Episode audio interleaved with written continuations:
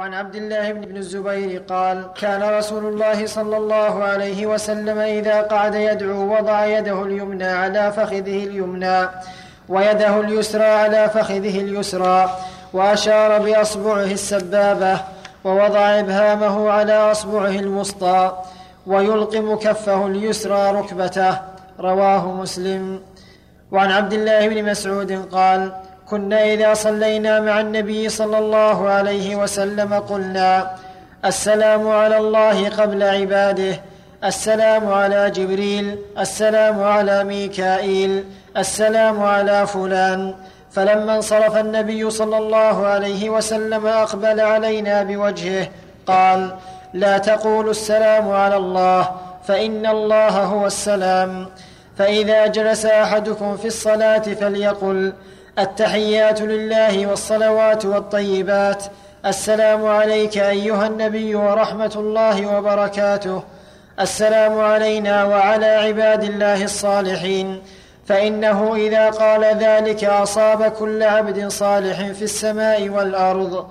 أشهد أن لا إله إلا الله وأشهد أن محمدا عبده ورسوله. ثم, ثم ليتخير من الدعاء أعجبه إليه. فيدعوه متفق عليه.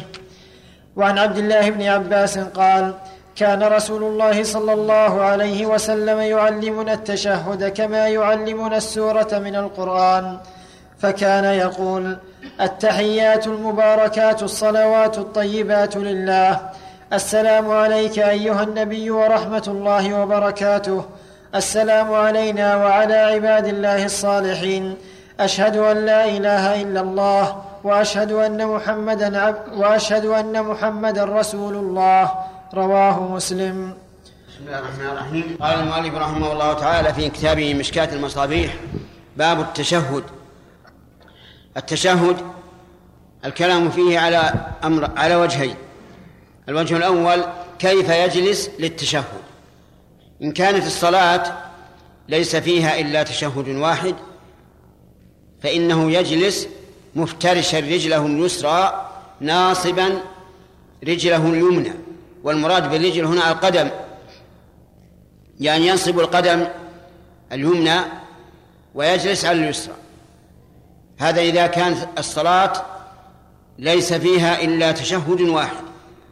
أما إذا كان فيها تشهدان فإنه يجلس في التشهد الأول كما ذكرنا يفرش القدم اليسرى ويجلس عليها ويجلس عليها وينصب القدم اليمنى.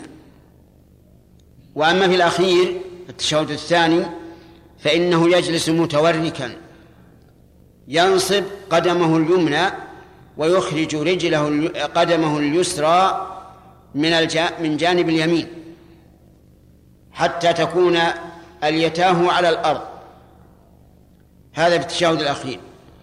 فالمغرب فيها تشهدان الظهر فيها تشهدان العصر فيها تشهدان العشاء فيها تشهدان يكون في التشهد الأول مفترشا وفي الثاني متوركا أما وضع اليدين فيضع اليد اليمنى على الفخذ اليمنى ويقبض منها الخنصر وهو الصغير والبنصر والوسطى والإبهام يضم الأربعة هذه بعضها إلى بعض. أو يحلق الإبهام مع الوسطى يعني يضع طرف إبهامه على طرف الإصبع الوسطى حتى تكون كالحلقة. هذا وهذا كله جائز. أما وضع اليد فله مكانان.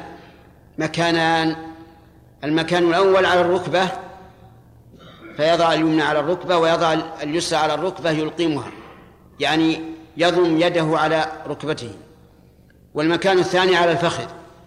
تكون أطراف الأصابع على أطراف الفخذ من مائل الركبة وكلاهما سنة. أما ألفاظ التشهد فإنها كما يلي التحيات لله والصلوات والطيبات. هذه تحية لله عز وجل. التحيات يعني جميع التحيات والتحية هي كل ألفاظ التعظيم والتكريم والتبجيل كلها لله عز وجل هو المستحق أن يحيى سبحانه وتعالى. والصلوات هي صلواتكم المعروفة والطيبات هي الأعمال الصالحة. فكل عمل صالح من قول أو فعل فإنه لله عز وجل. كذلك الطيبات الأوصاف الطيبات كلها لله عز وجل. قال النبي صلى الله عليه وعلى آله وسلم إن الله طيب لا يقبل إلا طيبا. السلام عليك أيها النبي. إذا أديت حق الله بهذه التحية العظيمة يأتي حق النبي عليه الصلاة والسلام قبل حق نفسك. ولهذا تقول السلام عليك أيها النبي كأنك تخاطبه. وهذا السلام الذي تسلمه على النبي صلى الله عليه وسلم ينقل إليه. ينقله إليه أوثق أهل النقل وهم الملائكة عليهم السلام. ما من إنسان يسلم على الرسول في أي بلد في أي مكان في البحر في البر في الجو إلا بلغته الملائكة رسول الله صلى الله عليه وسلم. السلام عليك أيها النبي ورحمة الله وبركاته. السلام عليك يعني السلامة من كل الآفات. هذا معنى السلام.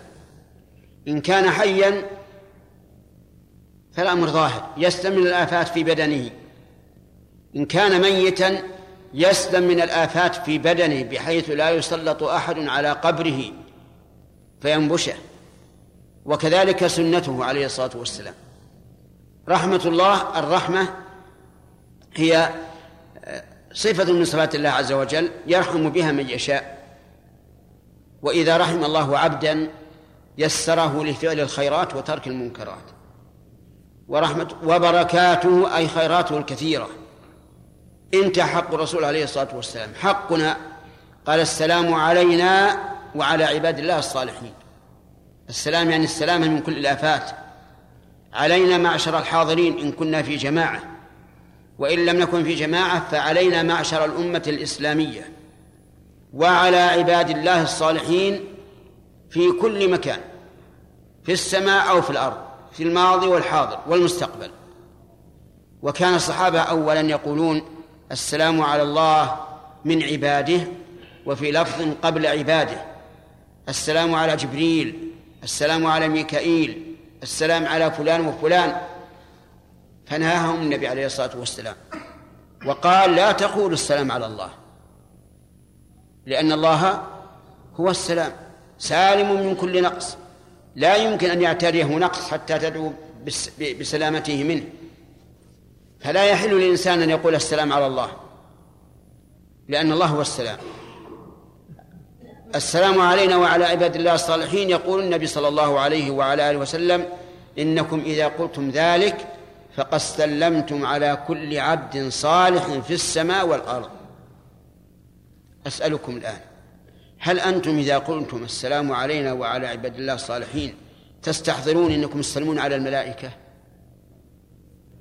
الجواب؟ لا إلا قليلا. إذا استحضروا هذا.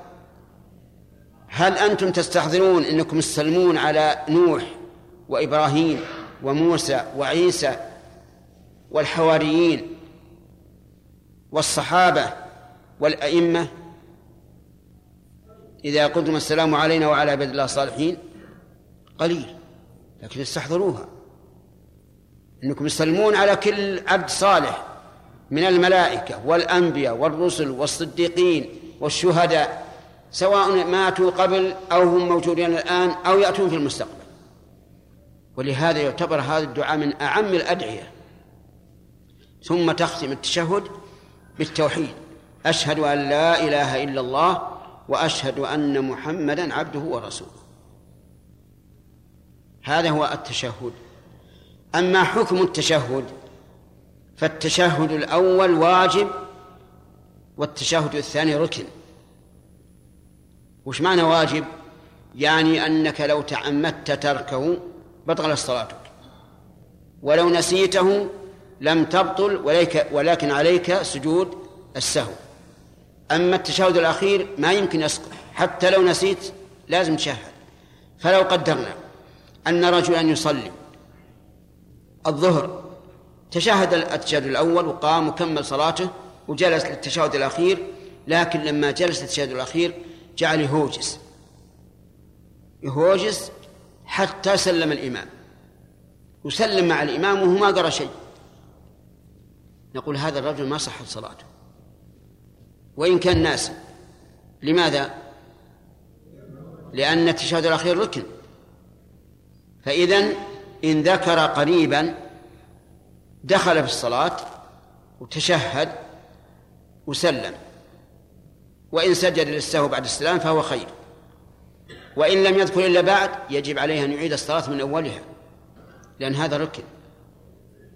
التشهد الأول ليس ليس بركن. إذا نسه الإنسان حتى قام فإنه لا يرجع ويكمل صلاته ويسجد للسهو قبل السلام كما فعل خير الأنام محمد صلى الله عليه وسلم. والله الموفق. نقل المؤلف رحمه الله تعالى عن عبد الله بن الزبير قال كان النبي صلى الله عليه وسلم يشير بأصبعه إذا دعا ولا يحركها. رواه أبو داود والنسائي وزاد أبو داود ولا يجاوز بصره إشارته. وعن أبي هريرة رضي الله عنه قال إن رجلا كان يدعو بأصبعيه فقال رسول الله صلى الله عليه وسلم أحد أحد. رواه الترمذي والنسائي والبيهقي في الدعوات الكبرى في الدعوات الكبير. وعن ابن عمر رضي الله عنهما قال نهى رسول الله صلى الله عليه وسلم أن يجلس الرجل في الصلاة وهو معتمد على يده. رواه أحمد وأبو داود. وفي رواية له نهى أن يعتمد الرجل على يديه إذا نهض في الصلاة.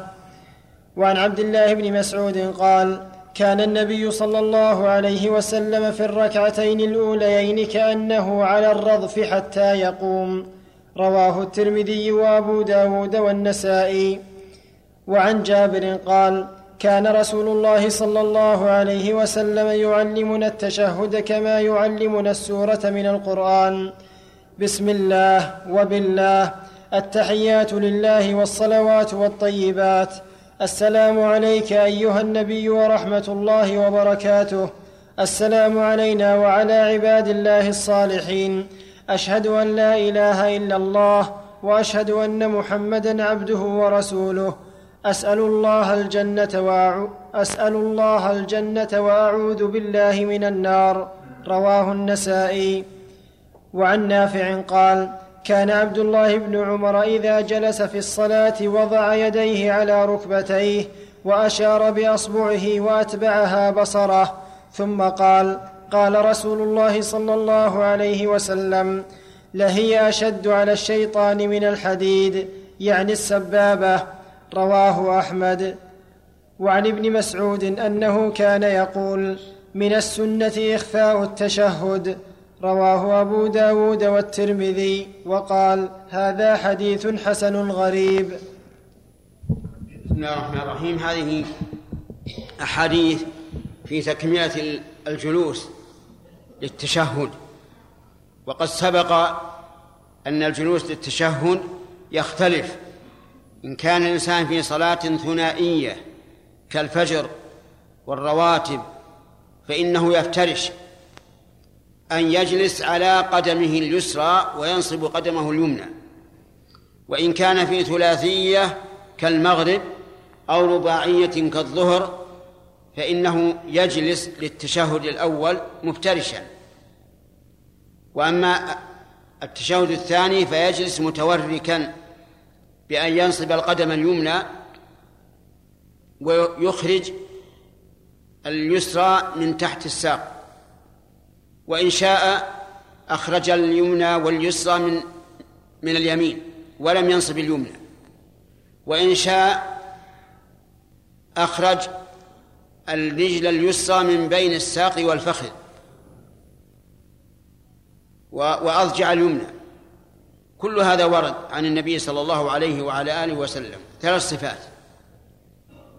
أما وضع اليد فسبق أن الإنسان يضع يديه على ركبتيه ويقبض الخنصر وهو الأصغر من من الأصابع والبنصر وهو الذي يليه والوسطى ويضم إلى إلى الثلاث الإبهام.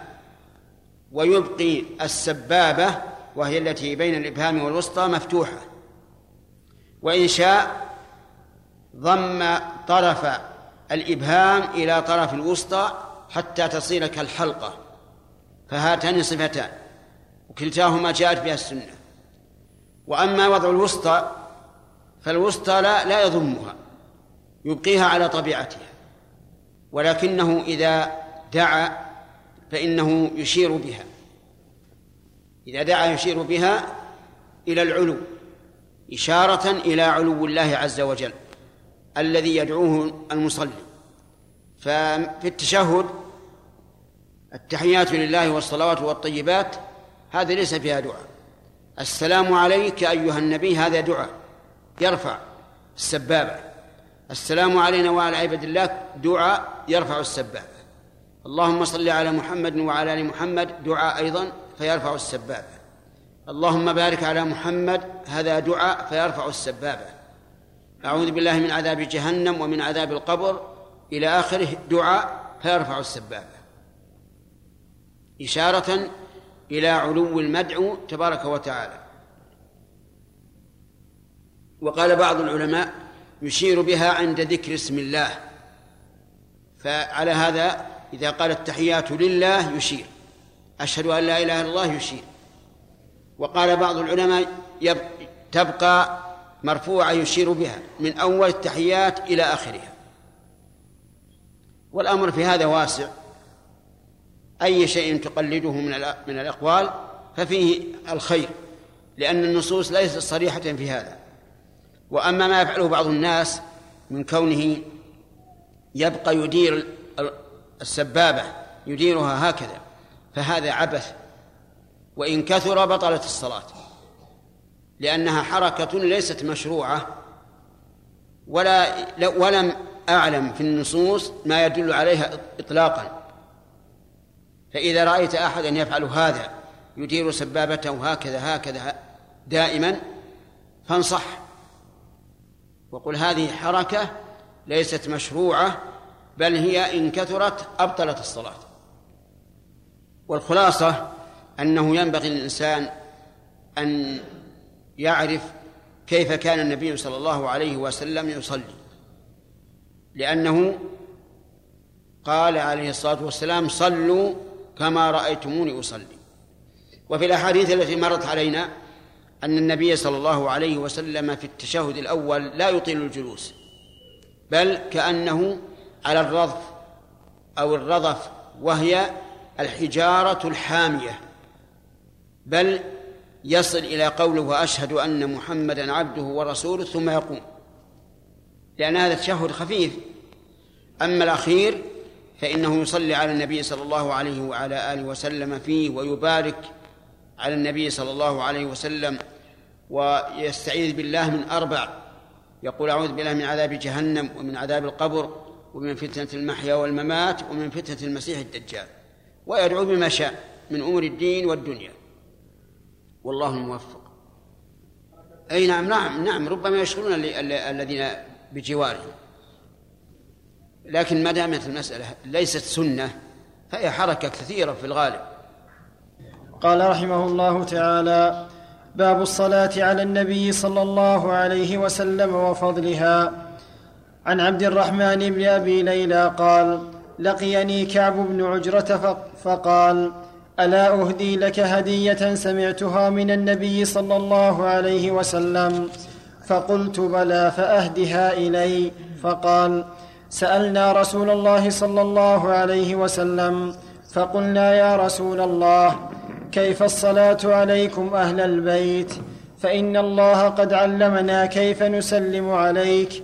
قال قولوا اللهم صل على محمد وعلى آل محمد كما صليت على إبراهيم وعلى آل إبراهيم إنك حميد مجيد.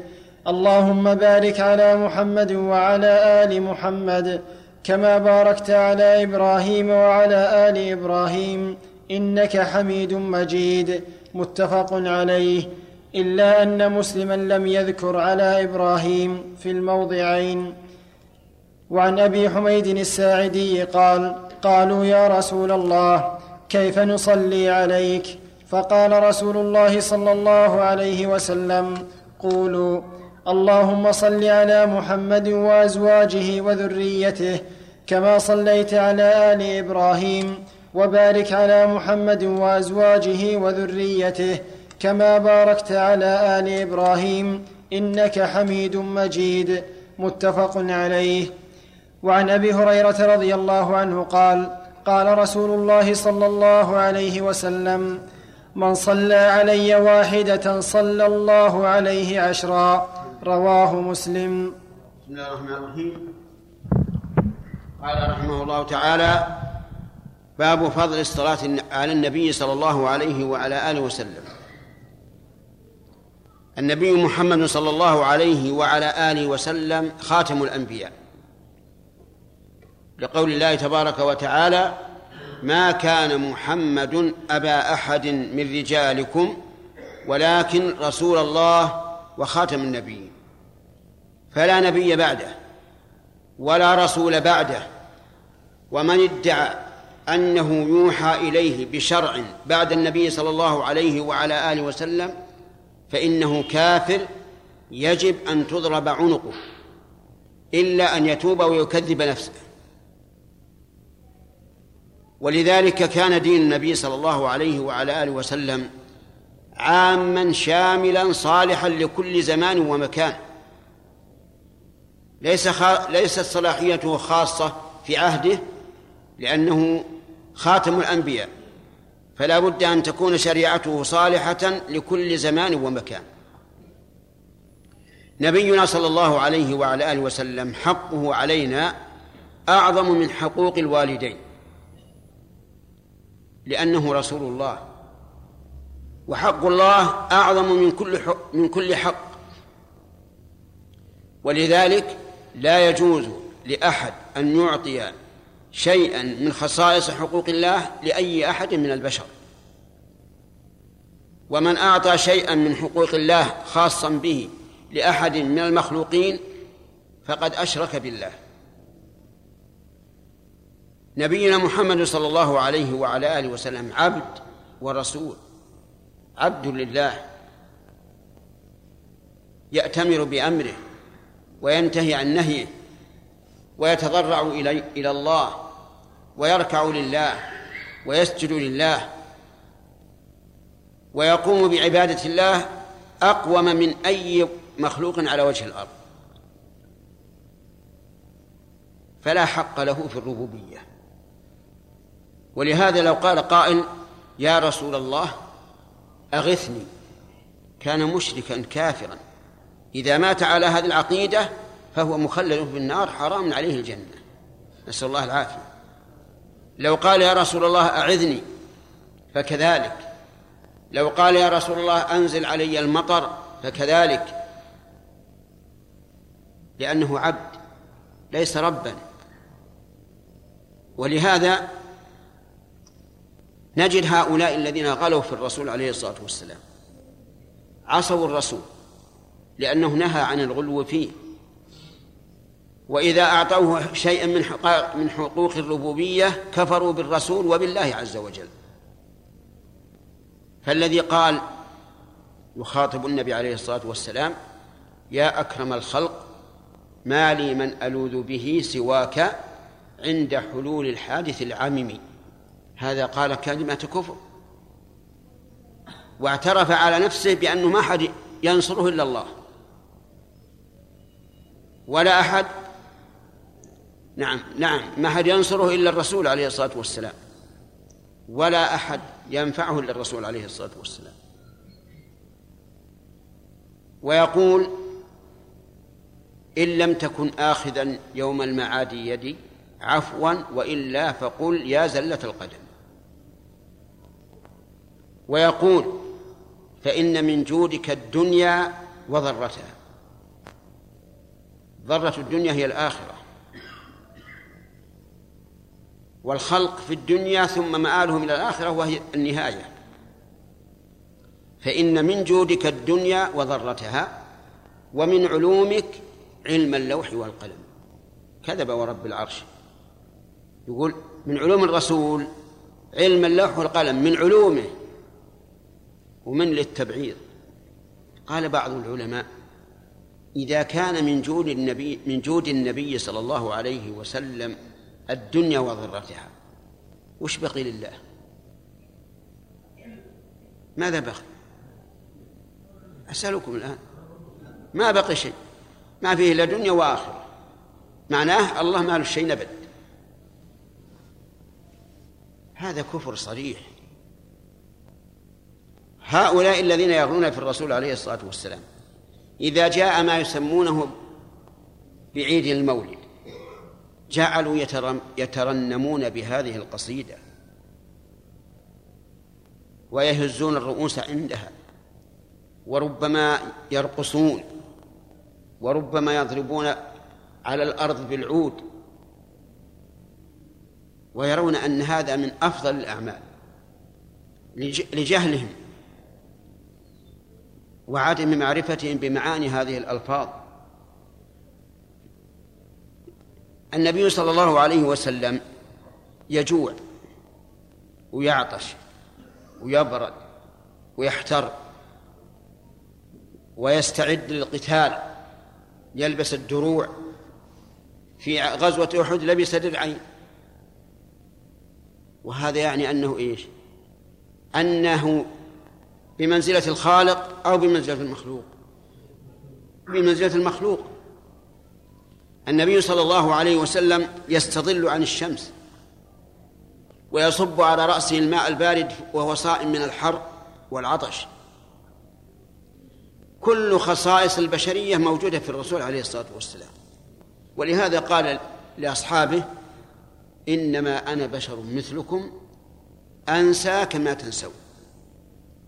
ولما قال له الرجل ما شاء الله وشئت قال أجعلتني لله ندا بل ما شاء الله وحده. وجرحت أصبعه حتى سال منها الدم كغيره من الناس. فقال هل أنت إلا إصبع دميت وفي سبيل الله ما لقيت؟ أوجعه رأسه فحزم عليه عصابة. مثل مثل غيره. جميع الخصائص البشرية موجودة في الرسول عليه الصلاة والسلام. يحتاج إلى البول فيبول. يحتاج إلى الغائط فيتغوط يعدل بين بين زوجاته ويقول هذا قسمي فيما أملك فلا تلومني في فلا تلومني فيما لا أملك. كل هذه الأشياء عند الغلاة فيه مسلوبة لا يتصف بها. أين تعظيمهم للرسول عليه الصلاة والسلام؟ وهم يفعلون ما يكذبون به الرسول. ويعصون الرسول عليه الصلاة والسلام جهارا نهارا. هو يقول لا تغلوا في وهم يغلون فيه. أين محبتهم للرسول؟ أين اتباعهم للرسول؟ أين تقديسهم للرسول؟ ولكن الشيطان لعب بهم كما لعب على آخرين فأثبتوا أولياء لله يدعونهم من دون الله ويتبركون بتراب قبورهم مع أن التراب الذي على ظهر القبر هل مس المقبور أو لم يمسه؟ لم يمسه. ومع ذلك هؤلاء السفهاء عقولا الضلال دينا يتبركون بها كل هذا من وحي الشيطان والعياذ بالله. وانظر إلى الصحابة رضي الله عنهم وتوقيرهم للرسول عليه الصلاة والسلام. حيث لم يصوغوا السلام عليه ولا الصلاة عليه. حتى علمهم هو. علمهم كيف يسلمون عليه. يقولون السلام عليك أيها النبي ورحمة الله وبركاته. ثم قالوا يا رسول الله علمنا كيف نصلي عليك؟ قال قول اللهم صل على محمد وعلى آل محمد كما صليت على إبراهيم وعلى آل إبراهيم إنك حميد مجيد. اللهم بارك على محمد وعلى آل محمد كما باركت على إبراهيم وعلى آل إبراهيم إنك حميد مجيد. هل تجدون أحدا أنصح للخلق من الرسول؟ الجواب لا. ولا أعلم بشريعة الله من الرسول. ومع ذلك أقول اللهم صل على محمد. هؤلاء الغلاة يأبون إلا أن يقولوا اللهم صل على سيدنا محمد. يقحمون كلمة سيدنا بين كلمتين قارن بينهما النبي صلى الله عليه وعلى آله وسلم. فيفكون ما ارتبط برباط النبي صلى الله عليه وسلم. اللهم صل على محمد. على محمد. متصل بعضهم ببعض. هم يفكونها. ويفرقون بين ما جمع بينه النبي صلى الله عليه وسلم.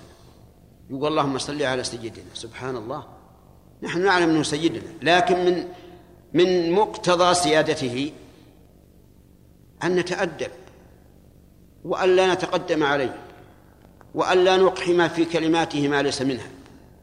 أنت سيدته لفظا ولكنك خذلته معنى كيف سيدته لفظا لأنك قال سيدنا. خذلته لأنك كأنك تقول يا رسول الله هذه صيغة ما هي ما هي تامة. تمم. سيد اللهم صل على سيدنا محمد. ونحن لا ننكر أن يكون سيدنا. هو والله سيدنا. سيد بني آدم كلهم. سيد الأنبياء سيد إبراهيم سيد نوح سيد كل الأنبياء. وإن كان هو من تواضعه يقول لا تفضلوني على يونس بن متى. لكن حقيقة هو سيد بني آدم. لكن هل نقحم شيئا لم لم يقله بين كلامه ونقول إنه سيد؟ هذا ما هو صحيح. أنت لو خاطبت إنسان عادي والله أنت سيدي أنت محترمي أنت فيك ما فيك ثم علمك شيئا ثم دخلت فيه أشياء هل يعتبرك مكرما له مسودا له؟ ابدا. ما يعتبرك وكيف تقول أنا سيدك وتدخل في كلامي شيئا ما قلت؟ فالمهم يا إخواني إذا أردتم أن أن يكون محمد سيدا لكم فالزموا كلامه. لا تقصروا عنه ولا تزيدوا فيه. أسأل الله أن يرزقنا وإياكم خالص الاتباع وأن يجعلنا مخلصين لله متبعين لرسول الله صلى الله عليه وسلم. قال رحمه الله تعالى باب الدعاء في التشهد. عن عائشة رضي الله عنها قالت كان رسول الله صلى الله عليه وسلم يدعو في الصلاة يقول اللهم إني أعوذ بك من عذاب القبر وأعوذ بك من فتنة المسيح الدجال وأعوذ بك من فتنة المحيا وفتنة الممات. اللهم إني أعوذ بك من المأثم ومن المغرم. فقال له قائل ما أكثر ما تستعيذ من المغرم. فقال إن الرجل إذا غرم حدث فكذب ووعد فأخلف. متفق عليه. وعن أبي هريرة رضي الله عنه قال قال رسول الله صلى الله عليه وسلم إذا فرغ أحدكم من التشهد الأخير فليتعوذ بالله من أربع من عذاب جهنم ومن عذاب القبر ومن فتنة المحيا والممات ومن شر المسيح الدجال رواه مسلم. وعن ابن عباس رضي الله عنهما أن النبي صلى الله عليه وسلم كان يعلمهم هذا الدعاء كما يعلمهم كان يعلمهم هذا الدعاء كما يعلمهم السورة من القرآن. يقول قولوا اللهم إني أعوذ بك من عذاب جهنم وأعوذ بك من عذاب القبر وأعوذ بك من فتنة المسيح الدجال وأعوذ بك من فتنة المحيا والممات. رواه مسلم. بسم الله الرحمن الرحيم. هذه أمر بها النبي صلى الله عليه وسلم بعد التشهد. التشهد نوعان. تشهد أول ينتهي عند قول وأشهد أن محمدا عبده ورسوله. والتشهد الأخير ينتهي عند قول كما باركت على إبراهيم وعلى آل إبراهيم إنك حميد مجيد. فأمر النبي صلى الله عليه وسلم المصلي إذا فرغ من التشهد الأخير أن يستعيذ بالله من أربع من عذاب جهنم ومن عذاب القبر ومن فتنة المحيا والممات ومن فتنة المسيح الدجال. جهنم هي النار أعاذني الله وإياكم منها. تستعيذ بالله أي تستجير به وتعتصم به من عذاب النار. وعذاب النار قد فصل في الكتاب والسنة بما يدل على عظمه وشدته. نسأل الله العافية. والنار موجودة من الآن. كما قال تعالى أعدت للكافرين أي هيئت لهم. وكما شاهدها النبي صلى الله عليه وعلى آله وسلم. لا حين صلى صلاة الكسوف. وهي خالدة أبدا. لا تفنى. وأهلها خالدون فيها أبدا. الذين هم أهلها. أما العصاة من بني آدم معصية لا تكفر فإنهم يعذبون بها ما شاء الله تعالى أن يعذبوا ثم آخر أمرهم إلى الجنة. إلا أن يعفو الله عنهم. وأما من كان كافرا ومات على الكفر فهو خالد فيها مخلدا أبدا. فمن استهزأ بالله ومات على ذلك فهو خالد فيها مخلدا أبدا. ومن استهزأ بالرسول أو بالقرآن أو بالدين فإنه إذا مات قبل أن يتوب مخلل في نار جهنم أبدا. ومن ترك الصلاة وإن كان يشهد أن لا إله إلا الله وأن محمد رسول الله فإنه إذا مات على تركها يكون خالدا مخلدا في نار جهنم أبدا. مع فرعون وهامان وقارون وأبي بن خلف. نسأل الله العافية. أما العصاة فإنهم لا يخلدون فيها. هم تحت مشيئة الله إن شاء عذبهم بما يستحقون وإن شاء غفر لهم. ومن عذاب القبر عذاب القبر هو العذاب الذي يكون بعد موت الإنسان سواء قبر أم لم يقبر. حتى لو فرض أنه مات غريقا في البحر فإنه يعذب إذا استحق العذاب. أو مات أو مات في الخلاء فأكلته السباع. فإنه يعذب. أو دفن في القبر فإنه يعذب. وعذاب جهنم وعذاب القبر ثابت بالقرآن والسنة. أما القرآن فقد قال الله تعالى في آل فرعون النار يعرضون عليها غدوا وعشيا. صباحا ومساء. ويوم تقوم الساعة أدخلوا آل فرعون أشد العذاب. وقال الله تعالى ولو ترى إذ يتوفى الذين كفروا الملائكة يضربون وجوههم وأدبارهم. وقال تعالى ولو ترى إذ الظالمون في غمرات الموت والملائكة باسطوا أيديهم أخرجوا أنفسكم.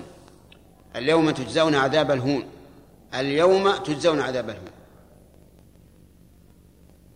وأما السنة فصريحة في ذلك. أخبر النبي صلى الله عليه وعلى آله وسلم أن الرجل إذا دفن وتولى عنه أصحابه حتى إنه ليسمع قرع نعالهم. أتاه الملكان يسألانه عن ربه ودينه ونبيه. فالكافر لا يجيب. يقول ها ها لا أدري. سمعت الناس يقولون شيئا فقلت اللهم أعذنا من ذلك. فيضرب بمرزبة مطرقة من حديد. جاء في الحديث لو اجتمع عليها أهل منى ما أقلوها والعياذ بالله. يضرب بها فيصيح. صيحة يسمعها كل شيء إلا الثقلين. ويضيق عليه قبره حتى تختلف أضلاعه من شدة الضغطة. ويفتح له باب إلى جهنم نعوذ بالله. وقد أري النبي صلى الله عليه وسلم عذاب القبر حين أوحي إليه بذلك فمر بقبرين وقال إنهم إنهما لا يعذبان.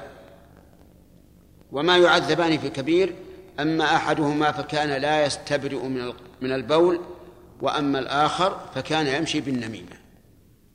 وأمر صلى الله عليه وسلم أصحابه حين كسفت الشمس أن يتعوذوا بالله من عذاب القبر. قال تعوذوا بالله من عذاب القبر. تعوذوا بالله من عذاب القبر. تعوذوا بالله من عذاب القبر. ويأتي إن شاء الله بقية الكلام على هذه الكلمات العظيمة التي لا ينبغي للمصلي أن يدعها ابدا. حتى إن بعض العلماء قال يجب أن يقول أعوذ بالله من عذاب جهنم ومن عذاب القبر. إلى آخره. والله الموفق لا بأس ما ليس ليس فيه بأس لأن حديث الوضوء ما من عبد يسبغ الوضوء. فيقول أشهد أن لا إله إلا الله وأشهد أن محمدا عبده ورسوله. اللهم اجعلني من التوابين واجعلني من المتطهرين. إلا فتحت له أبواب الجنة الثمانية. وليس فيها ذكر الصلاة على النبي. نقل المؤلف رحمه الله تعالى عن عائشة رضي الله عنه عن عائشة رضي الله عنها قالت كان رسول الله صلى الله عليه وسلم يدعو في الصلاة يقول اللهم إني أعوذ بك من عذاب القبر وأعوذ بك من فتنة المسيح الدجال وأعوذ بك من فتنة المحيا وفتنة الممات. اللهم إني أعوذ بك من المأثم ومن المغرم. فقال له قائل ما أكثر ما تستعيذ من المغرم. فقال إن الرجل إذا غرم حدث فكذب ووعد فأخلف. متفق عليه. بسم الله الرحمن الرحيم. سبق لنا ما في حديث أبي هريرة رضي الله عنه أن النبي صلى الله عليه وعلى آله وسلم أمر إذا تشهد الإنسان التشهد الأخير أن يستعيذ بالله من أربع من عذاب جهنم ومن عذاب القبر. وسبق الكلام على ذلك. الثالث فتنة المحيا والممات. يعني الفتنة التي تكون في حياة الإنسان والتي تكون في ممات الإنسان. الفتنة في الحياة كثيرة. منها فتن في الدين والعياذ بالله. بأن يبتلى الإنسان بشيء من الرياء في العبادات أو يبتلى بإنكار شيء من صفات الله. أو من أفعال الله أو يبتلى بأفكار سيئة كأفكار الشيوعيين وغيرهم. المهم هذه فتنة خطيرة على الإنسان. كذلك أيضا من الفتن أن يفتح الله على الإنسان الدنيا فيكثر ماله فإن هذا من الفتن. ولهذا قال النبي صلى الله عليه وسلم والله ما الفقر أخشى عليكم؟ وإنما أخشى أن تفتح عليكم الدنيا فتنافسوها كما تنافسها من قبلكم فتهلككم كما هلكتهم وهذا هو الواقع. وما أكثر ما تجد الإنسان مستقيما على دين الله فإذا أغناه الله نكص على عقبيه والعياذ بالله. وزادته النعمة كفرا. كذلك من فتنة الدنيا ما يحصل الآن من وسائل الإعلام المرئية والمسموعة والمقروءة. ففي التلفاز والقنوات الفضائية من الفظائع ما أفسد الأخلاق والأديان. حتى أنه في القنوات الفضائية التي تأتينا من الغرب صار الناس والعياذ بالله يقلدونها. لأنهم يشاهدون الفجور أمام أعينهم. يشاهدون الرجل يجامع المرأة. نسأل الله العافية. فتجرأ الناس حتى حكي لنا أن الرجل يزني ببنته والعياذ بالله. فضائع هذه من الفتن. بل ربما عرض عليه الأديان. كما قال شيخ الإسلام رحمه الله إن بعض الأموات تعرض عليه الأديان عند الموت. الإسلام واليهودية والنصرانية ويتمثل له الشيطان بصورة أبيه. فيقول له يا بني خذ بالنصرانية كن نصرانيا في هذا الم... في هذه الحالة الضيقة الضنكة فيقول هو يهودي أو نصراني. أعوذ بالله نسأل الله حسن الخاتمة. هذه من فتنة الممات. يعني الفتنة التي تكون عند الموت. يذكر أن الإمام أحمد رحمه الله لما حضرته الوفاة جعل يقول بعد بعد. يعني شوي شوي. فأفاق فقيل له يا أبا عبد الله ما قولك بعد بعد؟ قال رأيت الشيطان يعض على أنامله ويقول إنك قد فتني يا أحمد. يعني عجزت أغويك. فأقول له بعد بعد. يعني ما دامت الروح في الجسد فالإنسان معرض لكل شر. إلا من عصم الله. والثاني من فتنة الممات ما يفتن به المرء بعد دفنه. فإن الإنسان إذا دفن يأتيه ملكان. يسألانه عن ثلاثة أشياء عن ربه ودينه ونبيه. فيقول المؤمن ربي الله وديني الإسلام ونبيه محمد. اللهم اجعلنا منهم. فينادي مناد من السماء أن صدق عبدي. فأفرشوه من الجنة وألبسوه من الجنة وافتحوا له بابا إلى الجنة. يا الله من فضلك. اللهم اجعلنا منهم يا رب العالمين. أما المنافق أو المرتاب أو اللي ما عنده إيمان في الدنيا فيقول ها ها لا أدري. سمعت الناس يقولون شيئا فقلته فينادي منادي من السماء أن كذب عبدي. فأفرشوه من النار وألبسوه من النار وافتحوا له بابا إلى النار. هذه فتنة عظيمة. نسأل الله لنا ولكم النجاة منها. أما الرابع فهي فتنة المسيح الدجال ويأتي الكلام عليها إن شاء الله تعالى لأنها تحتاج إلى بسط. لكن يا أخي لا تنسى هذا هذا التعود. كل صلاة فريضة ونافلة قل أعوذ بالله من عذاب جهنم ومن عذاب القبر ومن فتنة المحيا والممات ومن فتنة المسيح الدجال. لا بد تقولها. فهي واجبة عند بعض أهل العلم. حتى إن وجوبها أوكد من وجوب الصلاة على النبي صلى الله عليه وسلم في الصلاة. مع أن الصلاة على النبي صلى الله عليه وسلم في الصلاة ركن عند كثير من العلماء. لكن هذه أمر بها. وقال أحد التابعين لأبيه يا أبت صليت ولم أتعوذ بالله من الأربع. قال فعلت؟ قال نعم. قال أعد الصلاة. لأنك عصيت عصيت الرسول عليه الصلاة والسلام. حيث قال إذا تشهد أحدكم التشهد الأخير فليستعذ بالله من أربع وذكر هذه الأربع. لا تهملها أبدا حتى لو كنت في نافلة حتى لو كنت وراء الإمام في التراويح.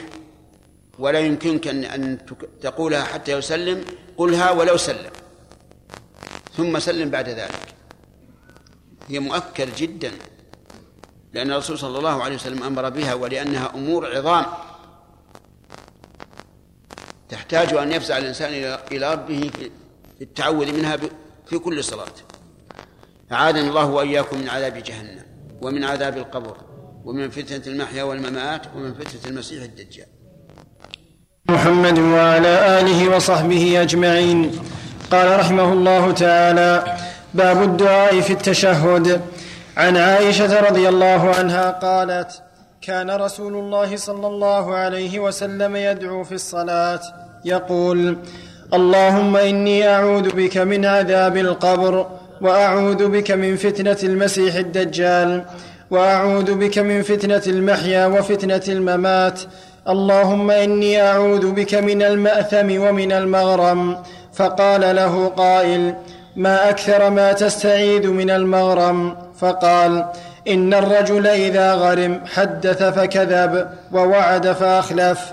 متفق عليه. وعن, وعن أبي هريرة رضي الله عنه قال قال رسول الله صلى الله عليه وسلم إذا فرغ أحدكم من التشهد الأخير فليتأوذ بالله من أربع من عذاب جهنم ومن عذاب القبر ومن فتنة المحيا والممات ومن شر المسيح الدجال. رواه مسلم. بسم الله الرحمن الرحيم. سبق الكلام على هذه الجمل في حديث أبي هريرة وانتهينا إلى ذكر التعوذ من فتنة المسيح الدجال. المسيح الدجال هو رجل من بني آدم يبعث في آخر الزمان امتحانا ويأتي من ناحية المشرق بين الشام والعراق. طريقه يأتي من بين الشام والعراق. قيل إنه يدعي في أول الأمر أنه نبي فيتبعه أناس. ثم يدعي أنه رب فيتبعه أناس. ويجري الله على يديه ما يوهم البسطاء من الناس. فيأمر السماء أن تمطر فتمطر ويأمر الأرض أن تنبت فتنبت. ومعه جنة ومعه نار. من أطاعه دخل الجنة التي معه ومن عصاه دخل النار.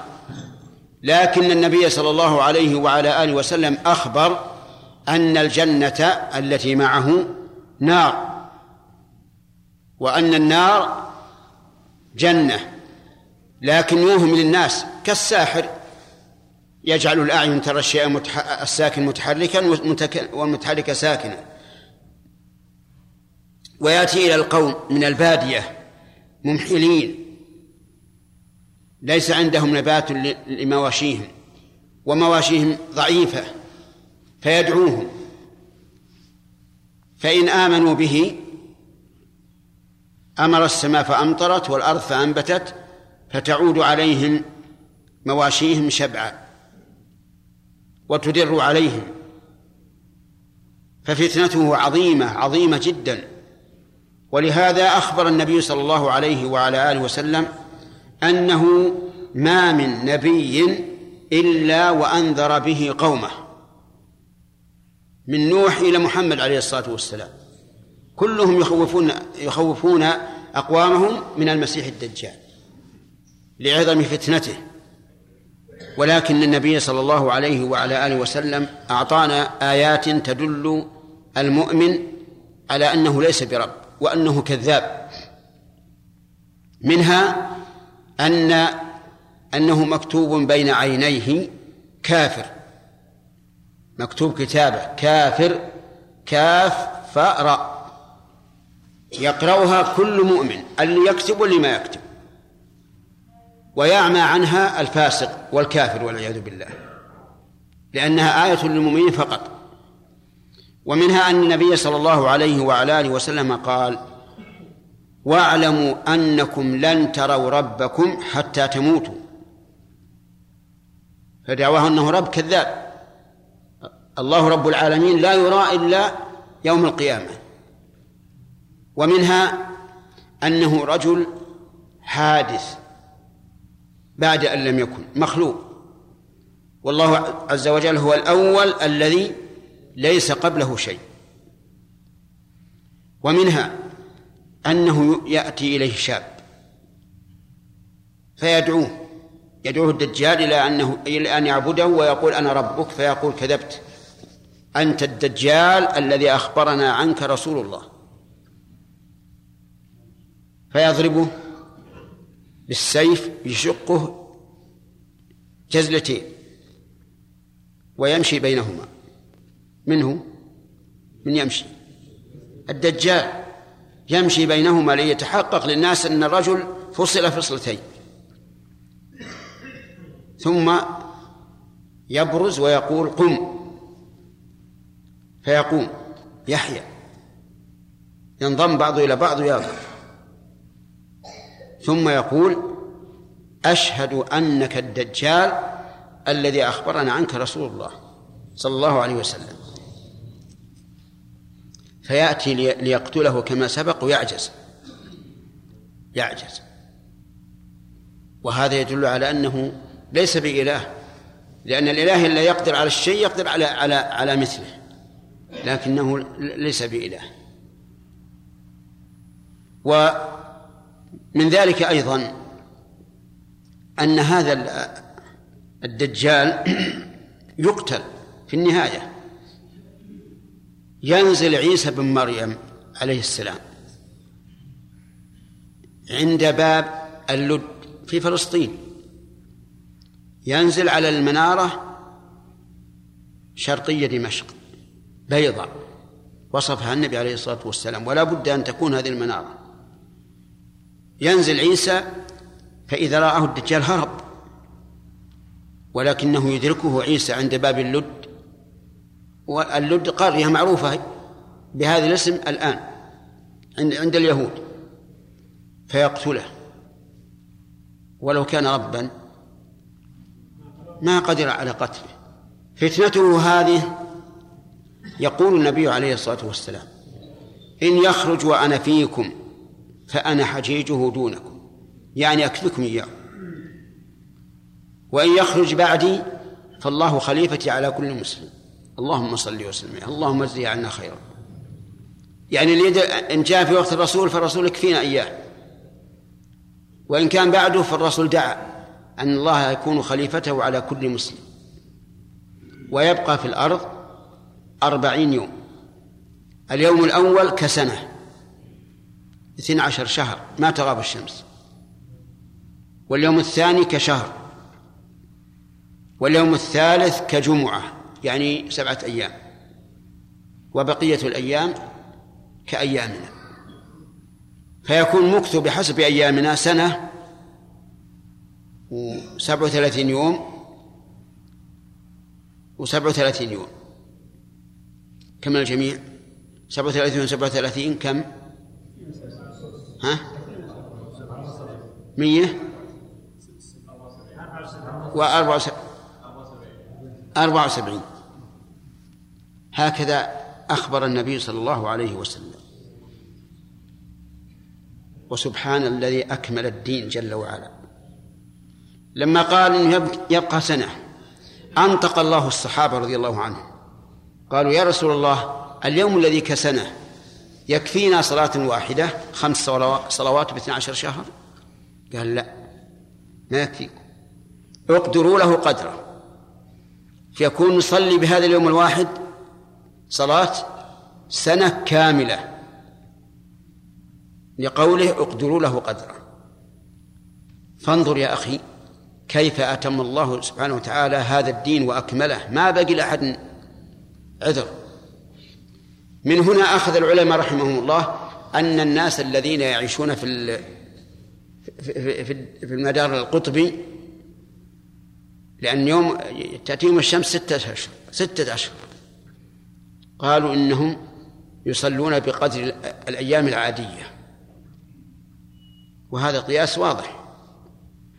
هذه هذا الدجال نسأل الله أن يعيذنا وإياكم من فتنته. هل يمكن أن يقول قائل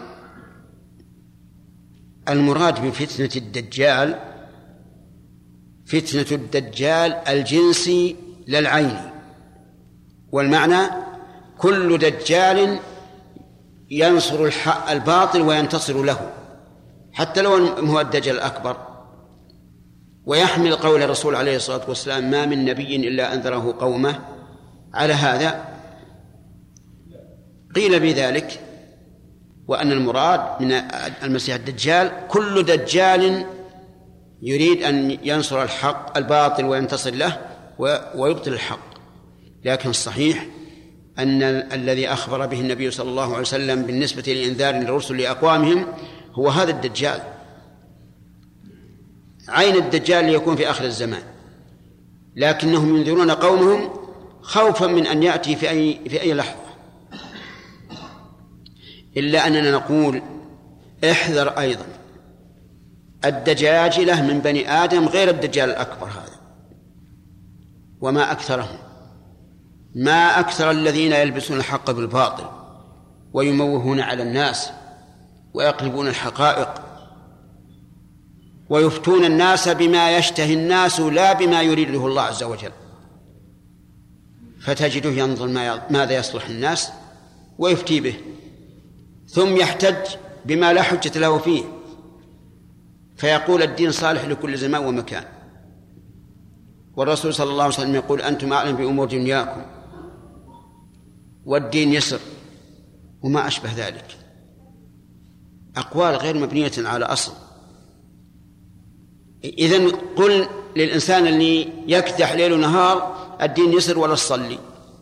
ما دام القاعدة عندك اليسر المبني على الهوى فيسر الناس في كل شيء. وقل إذا جاك النوم وقد أذن نم ولا تصلي لين تشبع من النوم وهكذا. لكن والعياذ بالله قوم يتصدرون للفتوى وهم قد لا يكونون أهلا لها لجهلهم وقد لا يكونون أهلا لها لقلة أمانتهم والثقة بهم. فاحذر احذر إنك في زمن فتنة الآن. وما أكثر الناس الذين يقولون على الله ما لا يعلمون. لأن العلماء ثلاث أقسام. عالم ملة وعالم دولة وعالم أمة. عالم الملة هو الذي يقضي بالشريعة ويفتي بها ولا يبالي بأحد رضي الناس أم سخطوا. وعالم الدولة الذي ينظر وش تقول الدولة وش تقول الحكام الرؤساء أو الملوك أو الأمراء. وش يقولون بس؟ نزين لهم الأمور. فيفتي بما وافق أهواء الدولة ويعسف النصوص لتدل على ذلك. الثالث عالم أمة يشوف وش اللي يصلح للناس. اللي يصلح الناس يقول حلال. حتى من الناس من أفتى بجواز الربا. لأنه يناسب كثير من الناس يناسب الأغنياء وربما الأغنياء والفقراء أيضا. فصار أكثر الأكثر هم أهل الضلال. ولهذا قال النبي صلى الله عليه وسلم القضاة ثلاثة قاض في الجنة وقاضيان في النار. الثلثين كلهم أهل ضلال. من القضاة الثلثين من القضاة أهل ضلال. والثلث أهل حق. نسأل الله تعالى أن يهيئ لهذه الأمة أمر رشد يعز فيه أهل الطاعة ويذل فيه أهل المعصية ويؤمر فيه بالمعروف وينهى عن المنكر. إنه على كل شيء قدير. بسم الله الرحمن الرحيم. الحمد لله رب العالمين والصلاة والسلام على نبينا محمد وعلى آله وصحبه أجمعين. نقل المؤلف رحمه الله تعالى في سياق الأحاديث في باب الدعاء في التشهد. عن عامر بن سعد عن أبيه قال كنت أرى رسول الله صلى الله كنت أرى رسول الله صلى الله عليه وسلم يسلم عن يمينه وعن يساره حتى أرى بياض خده. رواه مسلم.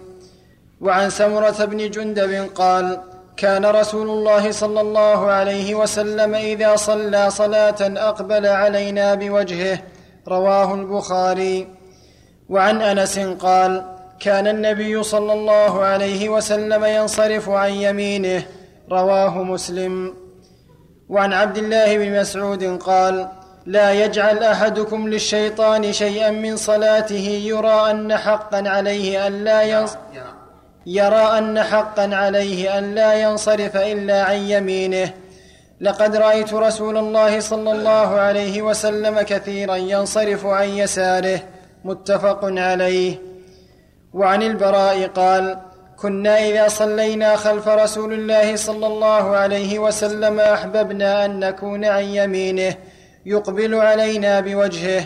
قال فسمعته يقول رب قني عذابك يوم تبعث أو تجمع عبادك. رواه مسلم.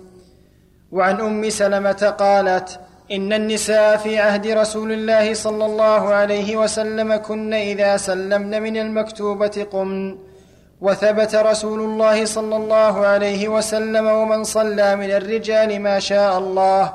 فإذا قام رسول الله صلى الله عليه وسلم قام الرجال. رواه البخاري. وعن معاذ بن جبل قال أخذ بيدي رسول الله صلى الله عليه وسلم فقال إني لأحبك يا معاذ. فقلت وأنا أحبك يا رسول الله. قال فلا تدع أن تقول في دبر كل صلاة. رب أعني على ذكرك وشكرك وحسن عبادتك. رواه أحمد وأبو داود والنسائي. إلا أن, إلا أن أبا داود لم يذكر. قال معاذ وأنا أحبك. وعن عبد الله بن مسعود قال إن رسول الله صلى الله عليه وسلم كان يسلم عن يمينه. السلام عليكم ورحمة الله. حتى يرى بياض خده الأيمن وعن يساره. السلام عليكم ورحمة الله. حتى يرى بياض خده الأيسر. رواه أبو داود والنسائي والترمذي ولم يذكر الترمذي حتى يرى بياض خده. بسم الله الرحمن الرحيم. هذه أحاديث فيما يقوله الإنسان ويفعله في آخر صلاته. منها أن المشروع أن يلتفت الإنسان عن يمينه وعن يساره ويقول السلام عليكم ورحمة الله. يبتدئ القول مع ابتداء الفعل. يعني إذا قال السلام وبدأ يلتفت يبدأ يلتفت حتى يكون انتهاء التفاته إلى قوله ورحمة الله وكذلك في اليسار. هذه هي السنة. ولو سلم بدون التفات أجزأ لكن الأفضل الالتفات.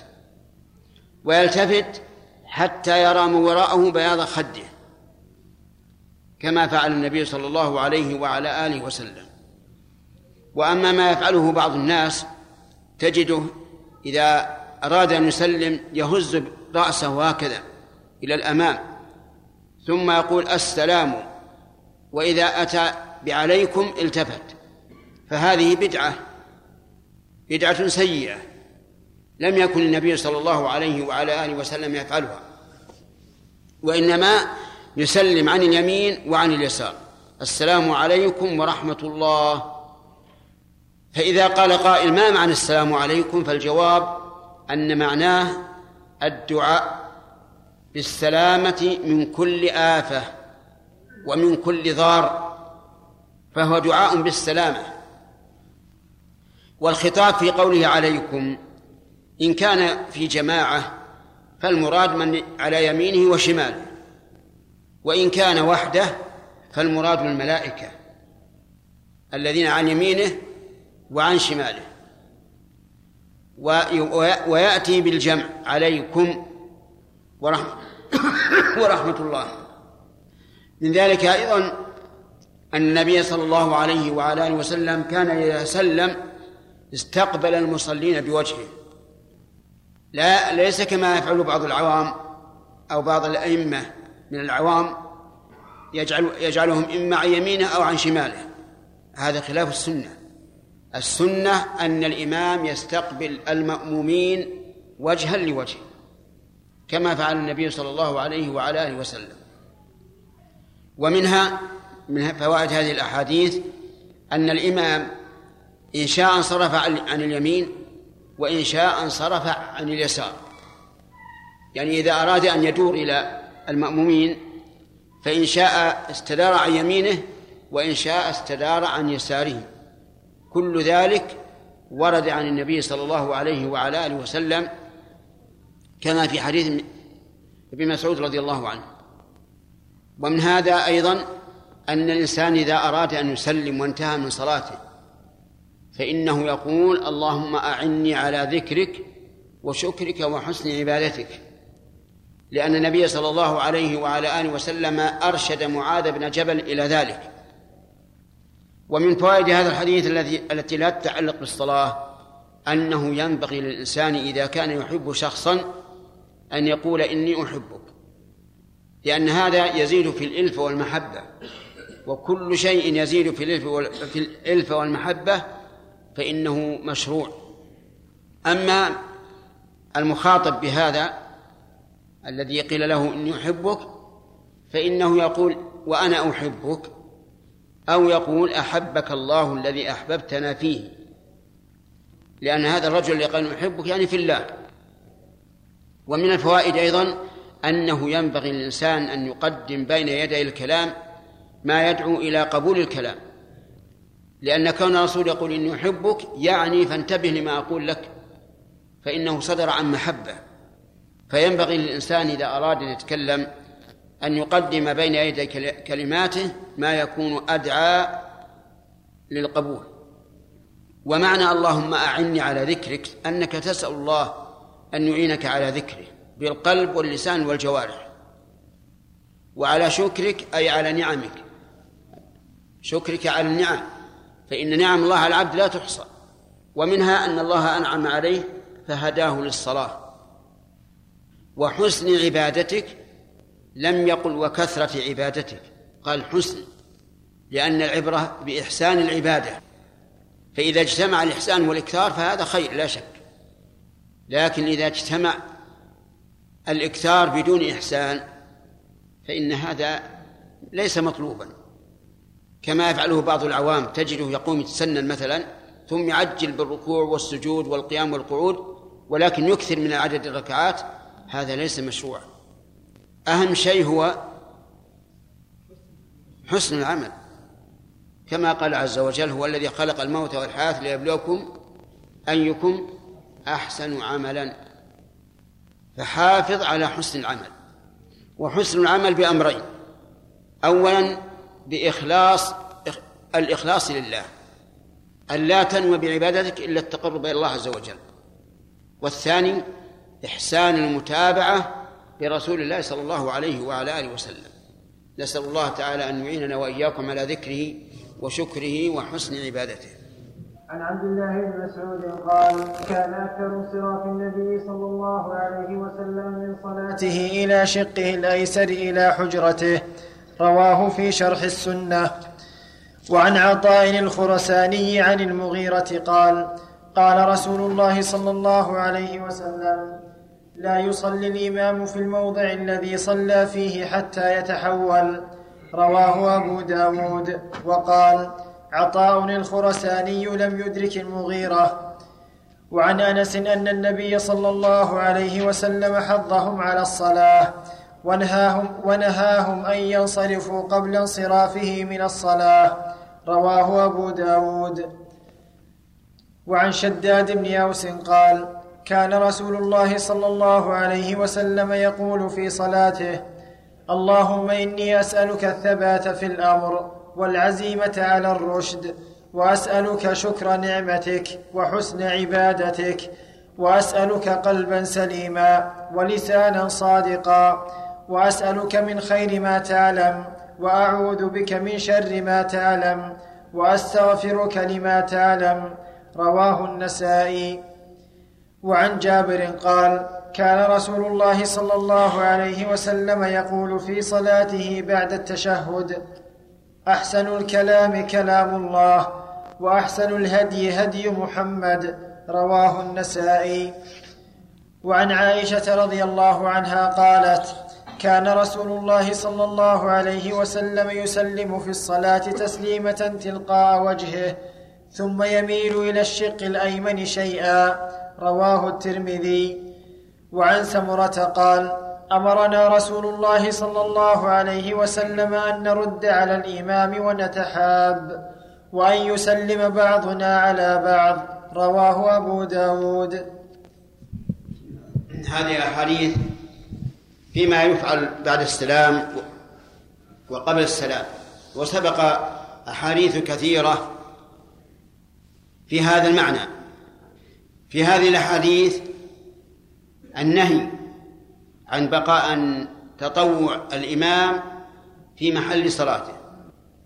قال العلماء والحكمة من هذا لئلا يظن الظان أن الإمام نسي شيئا من الصلاة فقام ليكمله. كذلك فيها النهي عن انصراف المأمومين قبل الإمام. يعني مثل المأموم لا يقوم من مكانه حتى ينصرف الإمام إلى المأمومين. والإمام لا يبقى مستقبل القبلة إلا بقدر أن يقول أستغفر الله ثلاث مرات اللهم أنت السلام ومنك السلام تبارك يا ذا الجلال والإكرام ثم ينصرف. فلا يتأخر على المأمومين. المأموم لا يقوم من مكانه. وقد كان بعض الناس من حين أن يسلم الإمام يقوم ويجلس في مكان ما من المسجد ولعله جهلا منه. فأنت تبقى في مكانك لا تقوم حتى ينصرف الإمام إلى المأمومين. والإمام لا يتأخر في الانصراف. قال العلماء رحمهم الله إلا إذا كان المسجد فيه نساء ورجال فإنه أي الإمام لا ينصرف. يبقى حتى يخرج النساء. وذلك لئلا يتزاحم الرجال والنساء في أبواب المسجد. وهذا ظاهر. وينبغي لنا أن نعرف كيف كان النبي صلى الله عليه وسلم يصلي من أجل أن نتأسى به. فإنه صلى الله عليه وعلى آله وسلم كان يقول صلوا كما رأيتموني أصلي. ومن فوائد صلاة الجماعة أن المسلمين يتعلم بعضهم من بعض. فتجد الإنسان يصلي إلى جانب طالب العلم ويتأسى به في أفعاله. كيف يصلي؟ لأن طالب العلم يفعل في الصلاة ما فعله النبي صلى الله عليه وعلى آله وسلم. إذ هو عالم بذلك فليفعله. وقد قيل إن فعل المسنونات أمام الناس بالنسبة لطالب العلم فرض وإن كانت مسنونة لأنه أسوة حتى يقتدى به. اللهم ارزقنا علما نافعا وعملا صالحا ورزقا طيبا واسعا. قال رحمه الله تعالى باب الذكر بعد الصلاة. عن ابن عباس رضي الله عنهما قال كنت أعرف انقضاء صلاة رسول الله صلى الله عليه وسلم بالتكبير متفق عليه. وعن عائشة رضي الله عنها قالت كان رسول الله صلى الله عليه وسلم إذا سلم لم يقعد إلا مقدار ما يقول اللهم أنت السلام ومنك السلام تباركت يا ذا الجلال والإكرام. رواه مسلم. وعن ثوبان رضي الله عنه قال كان رسول الله صلى الله عليه وسلم إذا انصرف من صلاته استغفر ثلاثا وقال اللهم أنت السلام ومنك السلام تباركت يا ذا الجلال والإكرام. رواه مسلم. وعن المغيرة بن شعبة أن النبي صلى الله عليه وسلم كان يقول في دبر كل صلاة مكتوبة لا إله إلا الله وحده لا شريك له له الملك وله الحمد وهو على كل شيء قدير. اللهم لا مانع لما أعطيت ولا معطي لما منعت ولا ينفع ذا الجد منك الجد. متفق عليه. وعن عبد الله بن الزبير قال كان رسول الله صلى الله عليه وسلم إذا سلم من صلاته يقول بصوته الأعلى لا إله إلا الله وحده لا شريك له. له الملك وله الحمد وهو على كل شيء قدير. لا حول ولا قوة إلا بالله. لا إله إلا الله ولا نعبد إلا إياه. له النعمة وله الفضل وله الثناء الحسن. لا إله إلا الله مخلصين له الدين ولو كره الكافرون. رواه مسلم. و... الرحمن الرحيم. قال المؤلف رحمه الله تعالى باب باب الذكر بعد الصلاة. يعني الصلاة المفروضة. قال الله عز وجل فإذا قضيتم الصلاة فاذكروا الله قياما وقعودا وعلى جنوبكم. فالمشروع بعد انتهاء الصلاة هو الذكر. وأما الدعاء فيكون قبل السلام. ثم ذكر المؤلف أحاديث. منها حديث ثوبان رضي الله عنه وعائشة رضي الله عنها أن النبي صلى الله عليه وعلى آله وسلم كان إذا سلم استغفر ثلاثا. قال أستغفر الله أستغفر الله أستغفر الله. يستغفر لأن الصلاة لا تخلو من نقص والنقص شفاؤه وإكماله بالاستغفار. ومعنى أستغفر الله أسأل الله المغفرة. اللهم أنت السلام ومنك السلام. أنت السلام أي السالم من كل عيب ونقص ومن كل ما لا يليق بجلالك. ومنك السلام أي ومنك السلامة. أي منك أي أنك تسلم من تشاء. ففي هذا ثناء على الله عز وجل باسمه السلام وبفعله وهو التسليم أن يسلم من شاء من عباده. تباركت يا ذا الجلال والإكرام. تباركت دون قولك تعاليت. في هذا الموضع ما تقول تعاليت. وإن كان وردت في دعاء الاستفتاح لكن هنا لا. تقول تباركت يا ذا الجلال والإكرام. تباركت يعني عظمت بركاتك ونيلت البركة بذكرك. يا ذا الجلال أي يا صاحب الجلال. وهي كمال العظمة. والإكرام أي يا يا أهل الإكرام فأحق من يكرم هو الله عز وجل. كما أنه أهل لإكرام من شاء من عباده فهو يكرم الطائعين عز وجل بما تقتضيه أعمالهم. تباركت يا ذا الجلال والإكرام. وهذا أعني الاستغفار ثلاثا وقول اللهم أنت السلام ومنك السلام تبارك يا ذا الجلال والإكرام. يقولها الإمام قبل أن ينصرف؟ كما جاء ذلك في حديث عائشة وثوبان. قبل أن ينصرف للمأمومين ثم ينصرف. ولا يزيد على هذا. نرى بعض الأئمة من حين أن يسلم ينصرف وبعضهم يتأخر. حتى ربما ذكرت لا إله إلا الله عشر مرات وهو لم ينصرف. كل هذا تقصير. والصواب أن المأمو أن الإمام يجلس مستقبل القبلة بقدر ما يقول أستغفر الله ثلاثا اللهم أنت السلام ومنك السلام تباركت يا ذا الجلال والإكرام.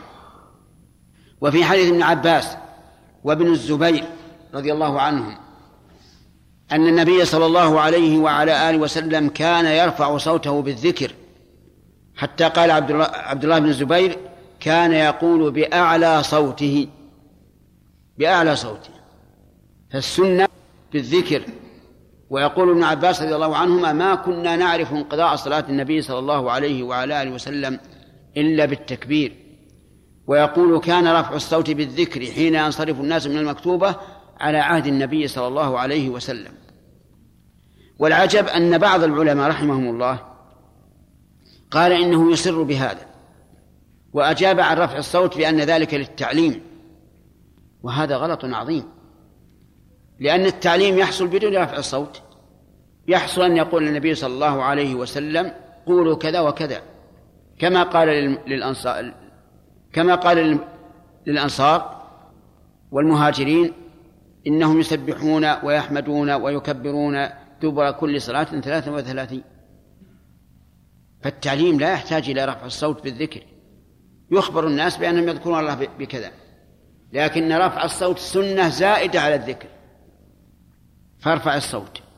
بالذكر إلا إذا كان إلى جنبك رجل يقضي صلاته فهنا لا ترفع الصوت. لأنك لو رفعت الصوت شوشت عليه. وقد خرج النبي صلى الله عليه وعلى آله وسلم ذات ليلة على أصحابه وهم يقرؤون في الصلاة ويجهر بعضهم على بعض فنهاهم عن هذا. أما إذا كان أحد لا يقضي حولك ورفعت الصوت فهذا هي السنة وهذه السنة مهجورة في كثير من المساجد. فمن أحياها فله أجر من سن في الإسلام سنة حسنة فله أجرها وأجر من عمل بها إلى يوم القيامة. والله الموفق. سبحان الله سبحان الله.